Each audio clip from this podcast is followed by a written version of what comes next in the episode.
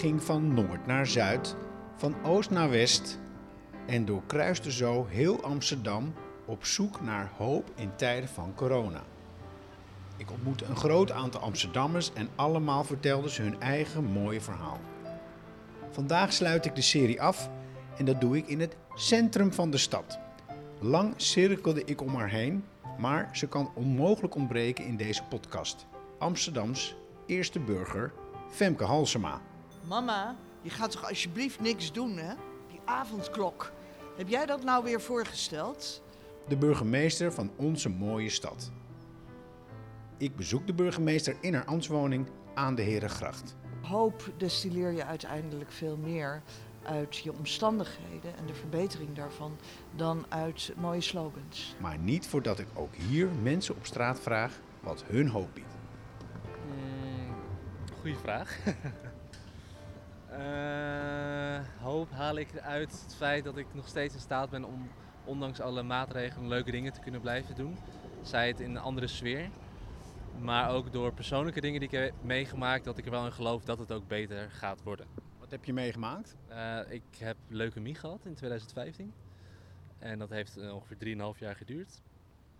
En dat was soms ook heel uitzichtloos en heel naar. En uh, was ik ook eigenlijk min of meer opgesloten in een ziekenhuiskamer. En ook daar ben ik bovenop gekomen. Dus ik heb wel een soort van persoonlijke overtuigingskracht van dan moet dit ook wel lukken.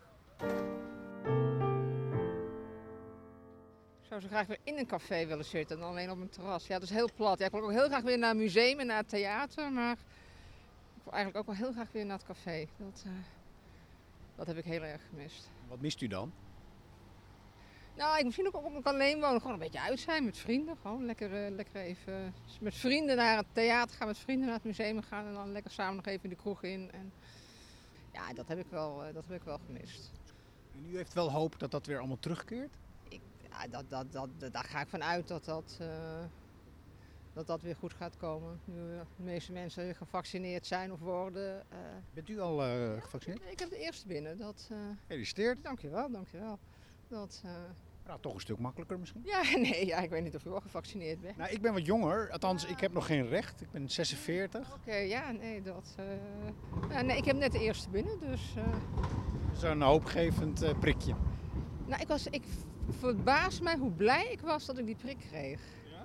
Ja, dat ik daar buiten stond en dacht, yes, weet je. Die eerste zit erin. In het algemeen zie ik het vrij somber in hoor, de wereldsituatie dan bedoel ik. Dus hoopgevend zie ik niet echt veel. Met corona heeft dat niet zoveel te maken. In het algemeen ziet u weinig hoop? Ja, ja. En waarom is dat? Nou, ga maar na. Overal idioten aan de macht. Poetin, Bolsonaro. Trump is gelukkig weg. Uh, die man in Turkije, Erdogan en Netanyahu vind ik ook al een vervelende hufter. Dus wat dat betreft zie ik niet veel hoop. En Duterte in de Filipijnen, ook allemaal. In Myanmar, die, die, die militaire coup daar. Valt allemaal niet mee? Nee. dus. Is er dan niets wat dan een beetje hoopgevend is in uw dagelijks leven? Ik heb een hond, dus ik kon altijd de deur uit. Dus, uh... oh, voor u geen avondklok? Nee, geen avondklok voor mij. Maar dan is zo'n hondje, hier staat hij, een zwart klein hondje. Wat is het? Frans Bulldog? Staffordshire. Staffordshire. Dat zijn kleine hondjes. Maar die hond heeft u dus wat dat betreft hoop gegeven? Ja. Dan is een hond toch prettig in deze tijd? Ja, zeker. Dus voor Hoe heet het hondje? Lulu. Lulu kijkt ons uh, heel aardig aan. Is het een leuk hondje? Ja, schatje. Die wil met de bal gaan spelen. Dus ondanks alle problemen hè, en, wereldleiders heel ver bij ons vandaan, maar heeft u Lulu? Ja, precies. Laten we dat maar als hoopgevend aan uh, beschouwen. Dag Lulu. Oké. Okay. Veel plezier in het park. Ik bekijk dat positief en ik uh, geniet van elke dag. Hoe doet u dat? Uh, gewoon blij zijn met dat wat je hebt. En ja, ik denk omdat je beseft waar je vandaan komt, dat het des te meer nou ja, nu zichtbaar wordt voor het Westen, om het maar zo te zeggen, Europa. Uh, om te zien dat vrijheid niet vanzelfsprekend is. Want waar komt u vandaan? Uh, ik kom uit Suriname. Uh... Heeft dat betekenis? Um, in die zin, ja, dat we niet altijd breed gehad hebben, nee. En dat je ook niet altijd overal mee kon doen of mee mocht doen. En uh, nou ja, dat uh, corona, zeg maar, het hele gebeuren, dat is een, een um, ja, pandemie dat in ieder geval niet discrimineert. Het maakt niet uit wie je bent, hoe oud je bent. Iedereen kan het krijgen. Ik ben zelfstandig. Ik zit in Elektra en ja, ik, ik, ik nam wat meer werk aan. Of het nou door de corona komt of... Ja. Heb je ook wat meer centen gemaakt dan? Meer centen? Jazeker. Ik heb ook heel veel geld overgehouden. ja, meer gewerkt, minder uitgegeven? Ja, zeker. En uh, ik heb ook een andere auto erbij gekocht. ja. Het gesprek begon een beetje down. Ja. Ik denk dat we wel een goede kant op gaan. Ja. Dan wens ik u een mooie toekomst in uw nieuwe auto. Ja, dankjewel. Dank u wel. Hoi. Wat voor auto is het geworden? Hoi joh. BMW roept hij. En dan is het tijd om aan te bellen bij de burgemeester.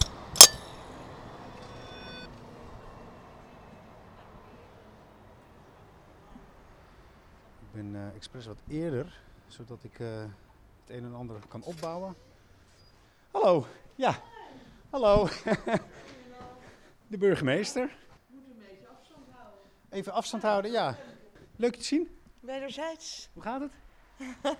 het gaat heel goed met mij. Ja, dit is je werkkamer, mooi uitzicht op de gracht. Nou, normaliter is dit niet mijn werkkamer. De werkkamer is denk ik ook zo'n 100 jaar niet in gebruik geweest. Omdat um, uh, burgemeesters eigenlijk altijd op de stopera werken. Maar nu, nu iedereen verplicht thuis moet werken, maak ik er dankbaar gebruik van. Dat snap ik. En een burgemeester hoort niet thuis te zijn, hè? Nee, eigenlijk niet. En dat knaagt ook. Gaan we het zo over hebben. Een moment. Ik ga even wat spullen pakken. Misschien moet je nog een mailtje afwerken. Ja. Goed zo, dat dacht ik al. Maakt niet uit. Kijk, hier ligt de Amsketen, mooi. En dan installeer ik twee microfoons tussen de papieren van de burgemeester en kunnen we van start. Dag Femke. Dag Harmen. Dag mevrouw de burgemeester, excuus. Ik begon toch Dag weer... meneer uh, Harmen. Ja, meneer de podcastmaker en mevrouw de burgemeester. Uh, we spreken elkaar niet voor het eerst. Nee.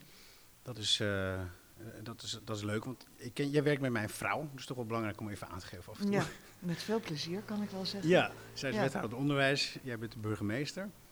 Um, en ik vind het wel heel leuk dat ik voor het eerst nu bij jou thuis thuis ben in de ambtswoning. Ja. Hoe is het om hier te werken? Um, om hier te werken is eigenlijk. Nou ja, ik mis de stopera. Ik mis vooral heel erg uh, het gewoon in de stad zijn. Natuurlijk ben ik wel af en toe hier en daar, maar dan is dat altijd in hele kleine gezelschappen met heel veel uh, voorzorgsmaatregelen omringd. Uh, en wat je natuurlijk wil is eindeloos door de stad dwalen, um, bij grote groepen mensen zijn, um, feestelijkheden meenemen. En dat zit er niet in. Dus, en ik mis ook mijn collega's op de Stopera. En tegelijkertijd, nou je ziet me zitten, ben ik nogal bevoorrecht in deze oude burgemeesterskamer die uitkijkt over de gracht. Ja, Dus, je hebt misschien wel de mooiste werkkamer van alle Amsterdammers. Dat is uh, absoluut waar. Dat zou wel kunnen, ja. Ja, maar eigenlijk een burgemeester moet gewoon, gewoon weg zijn hè, op straat en veel Ja. uh, de stad in met de Amsterdammers. Ja, corona en burgemeesterschap die verhouden zich niet lekker tot elkaar. En hoe ga je daarmee om? Nou, waar, waar het kan, eh, bezoek ik wel mensen. Ehm, ik doe natuurlijk ongelooflijk veel digitaal. Ik heb gemiddeld op een dag, denk ik, zo'n tien vergaderingen. En, ehm, en ook heb ik veel digitale ontmoetingen. Weet je, afgelopen vrijdag zat ik nog met een hele grote groep MBO-leerlingen in een Zoom. Dus dan is er wel contact, ook wel met grotere groepen mensen, maar het is onvergelijkbaar. Ja, want online vergaderen, dat schiet soms lekker op, is best oké. Mhm. Maar online mensen ontmoeten, dat, dat werkt toch... Nou, soms Ja. heeft het ook wel zijn voordelen. Want je merkt dat eh, online vergaderen, bijvoorbeeld voor verlegen mensen, vaak makkelijker is dan iemand in het echt zien. Die daardoor toch makkelijker naar voren durven te stappen. Ik merk het ook bijvoorbeeld bij ambtenaren die dan wat lager in rang zijn, die vaak voorzichtiger zijn. Dat ze, als je in de Zoom zit, eigenlijk veel makkelijker zich durven uit te spreken. Ook naar de burgemeester. Ook naar de burgemeester. En dat is eigenlijk ook wel leuk. Maar ehm, het vervangt natuurlijk het echte contact niet. Je, ik weet dat ik, ehm, voordat ik, ehm, voordat corona uitbrak, ging ik ongeveer eens in de maand met een groep wat oudere dames in Zuidoost koffie drinken in het buurthuis. En dan eh, praten ze me altijd bij over de buurt. En daar leerde ik ook altijd veel van. Het was vooral altijd heel gezellig. Er waren veel brassa's, er was taart. En ook, weet je, ik, ik leerde ook over hun huiselijke omstandigheden. En dat soort dingen zijn weg en dat mis ik. Kan je als burgemeester dan nog wel ja, doen wat je moet doen aan de Amsterdammers en in dit geval hoop geven? Nou, dat, dat, in een periode waarin juist mensen heel veel hoop nodig hebben, is dat af en toe lastig.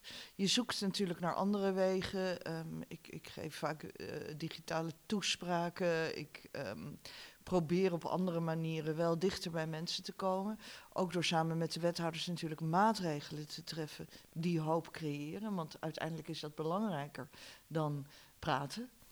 Ehm, Ja, hoop is belangrijker dan praten, ja. Nee, eh, hoop destilleer je uiteindelijk veel meer uit je omstandigheden en de verbetering daarvan dan uit mooie slogans. Ja, precies. Ja, dus de toespraak kan nog zo hoopgevend zijn. Ja, maar als je omstandigheden heel slecht zijn, dan maakt het natuurlijk niet zo'n verschil. En ik denk dat ik samen met het college het afgelopen jaar wel heel veel extra maatregelen heb genomen en ook heel snel heb genomen om het leed van mensen te verzachten. Maar wat het burgemeesterschap in deze tijd vooral heel erg tekent, is dat ik er natuurlijk eigenlijk een baan bij gekregen heb door de ehm, crisisbestrijding. Ik ben bijna een dag per week op het moment ehm, in landelijke vergaderingen. Ehm, eh, om nieuwe maatregelen voor te bereiden, te discussiëren over de handhaving, over hoe het beleid zich ontwikkelt, over de risico's die er zijn. Daar wordt natuurlijk ook hard op onderhandeld. En eh, dat neemt heel veel tijd in beslag. En dan nog los van ehm, alle besprekingen die we met juristen hebben, met anderen over ehm, de uitvoering van maatregelen.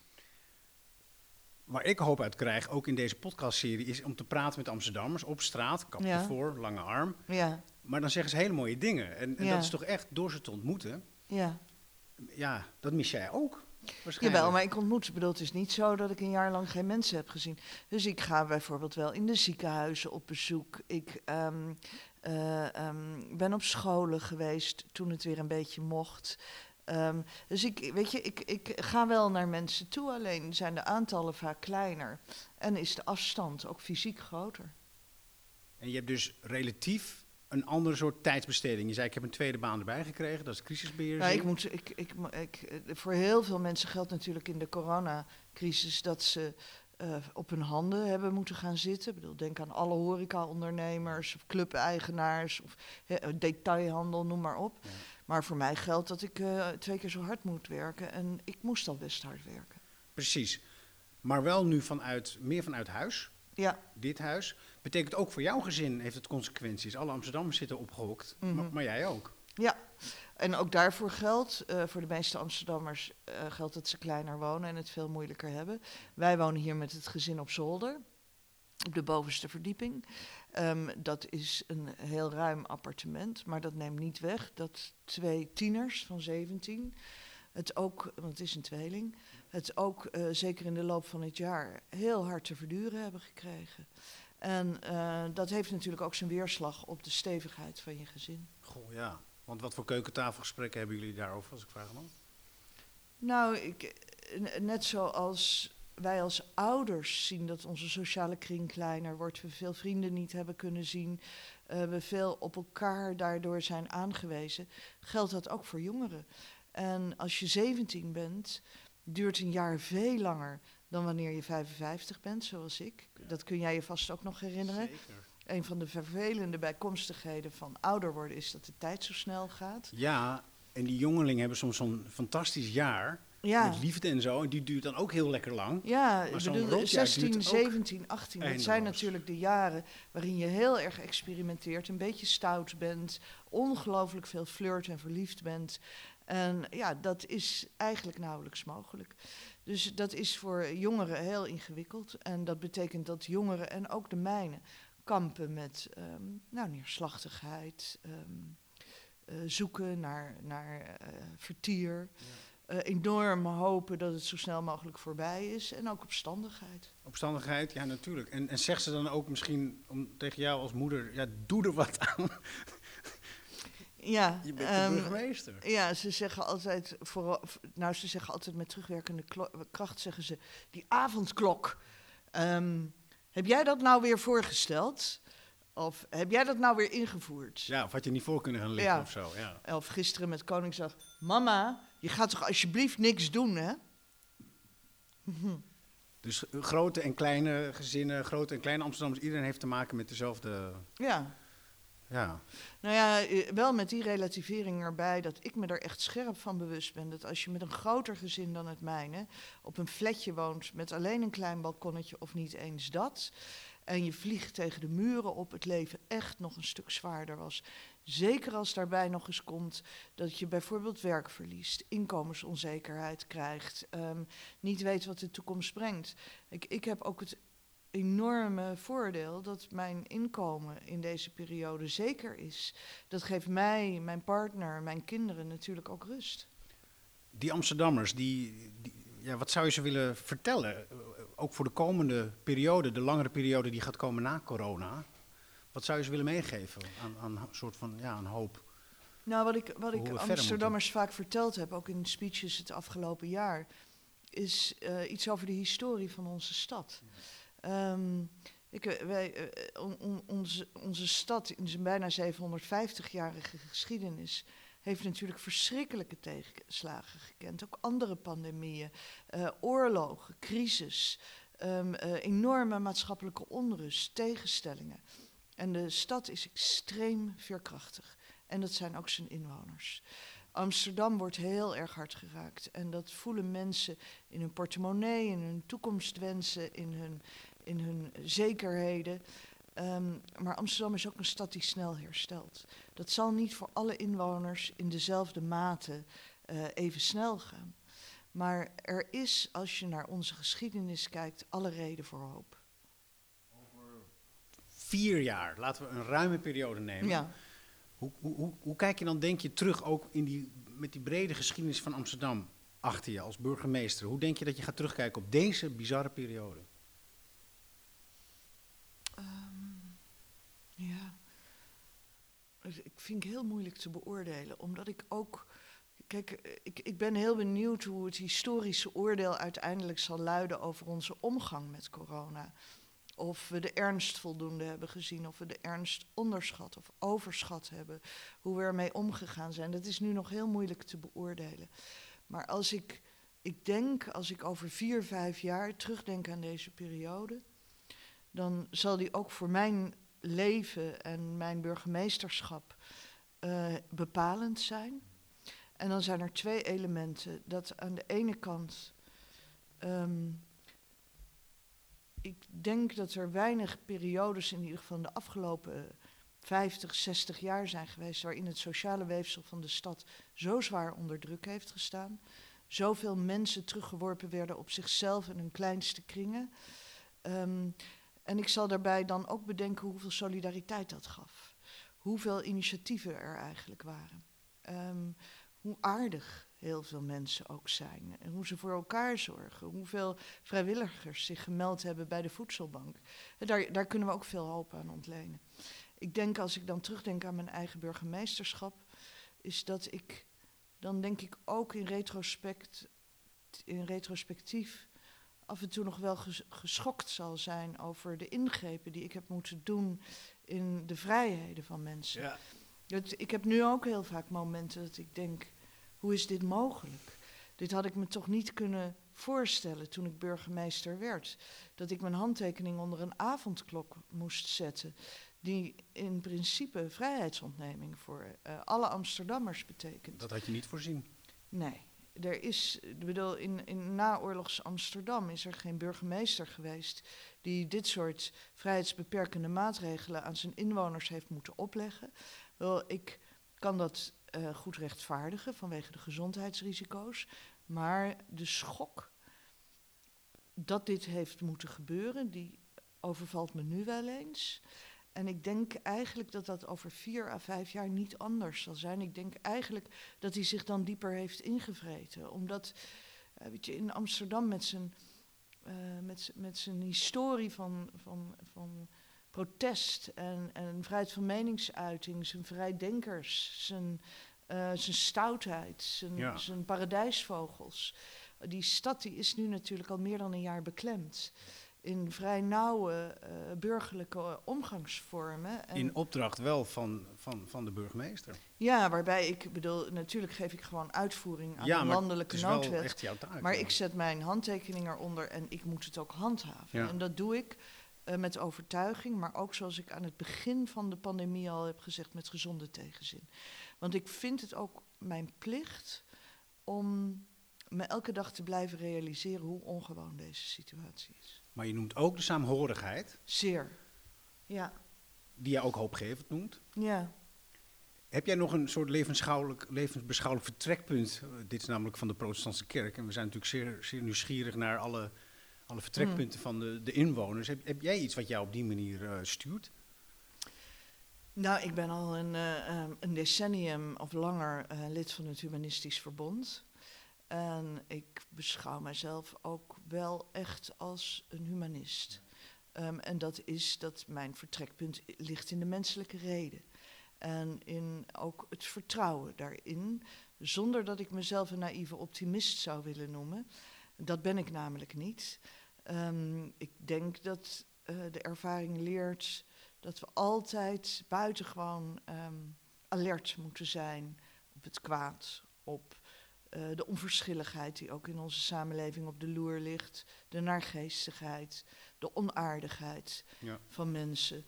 Ehm, maar ik ben wel hoopvol gestemd in die zin dat ik ervan overtuigd ben dat uiteindelijk een grote meerderheid van de mensen graag vreedzaam met elkaar samen wil leven. Was dat ook de reden En dat daar jij... ook redelijke en goede argumenten voor hebben. Ja, precies. Ja, En, en, en menslievende en menselijke Ja. startpunt daarin hebben. ja. Dan wel religieus, want het is de reden dat ik hier zit, is omdat jij de PKA hebt opgeroepen om hoop te bieden in deze Ja. periode. ja. Nou, ik vind, dat- ook, ik vind ook dat men dat doet. En ik denk ja, ook, dat vind jij echt een rol ook voor kerken als je in deze, in deze periode. ik, ik eh, vind het voor alle levensbeschouwelijke stromingen, voor alle, ehm, eh, denk ik dat daar wel een, nou een plicht ligt, vind ik een te zwaar woord, maar eh, wel een, een, om er maar eens een goed christelijk woord tegenaan te gooien, een roeping in ligt. Omdat ehm, eh, ik denk dat veel mensen verlangen hebben naar eh, het gesprek over het leven, over ehm, eenzaamheid, over vriendschap, over het doel van het leven, waar we naartoe op weg zijn. Nou, ik denk dat mensen, ook omdat mensen natuurlijk veel tijd hebben om daarover na te denken en onzeker zijn over wat de toekomst brengt, daar behoefte aan hebben. En ik denk dat alle levensbeschouwelijke stromingen daar een rol in kunnen vervullen. Overigens niet door mensen dogma's mee te geven of te disciplineren, maar meer door eh, ze te helpen gidsen. Nou, laat dat een mooie roeping zijn en misschien wel eh, het doel. Als je dan toch, ja, het zou eh, kunnen. Ja, Ja. Ja, Een steuntje in de rug te bieden. Steuntje in de rug, precies. In deze tijden van corona. Nou, dankjewel. Oké, Ja, dat, is, eh, dat hebben wij volgens mij in een hoogtreinvaart gedaan. ja, moest ook wel geloof ik, want je hebt weer iets anders. Maar dat is helemaal niet erg. druk. Ja, Ja, ja ik weet het. ja. leuk je even te spreken. Ja, Ik weet nog heel goed wanneer de laatste keer was. Maar ja. goed, dat is niet voor in de podcast. Nee, nee. Telkens als we stilstaan om weer door. En dan zit het erop. Ons gesprek en deze podcast is klaar. Ik maakte hem in opdracht van de Protestantse Kerk Amsterdam. Mijn naam is Harmen van der Veen. Tot horens. Tot we samen zijn, we zullen doorgaan. Als niemand meer verwacht dat we weer doorgaan. In een sprakeloze nacht, we zullen doorgaan. We zullen doorgaan. We zullen doorgaan. Tot we samen zijn. Tot we samen zijn.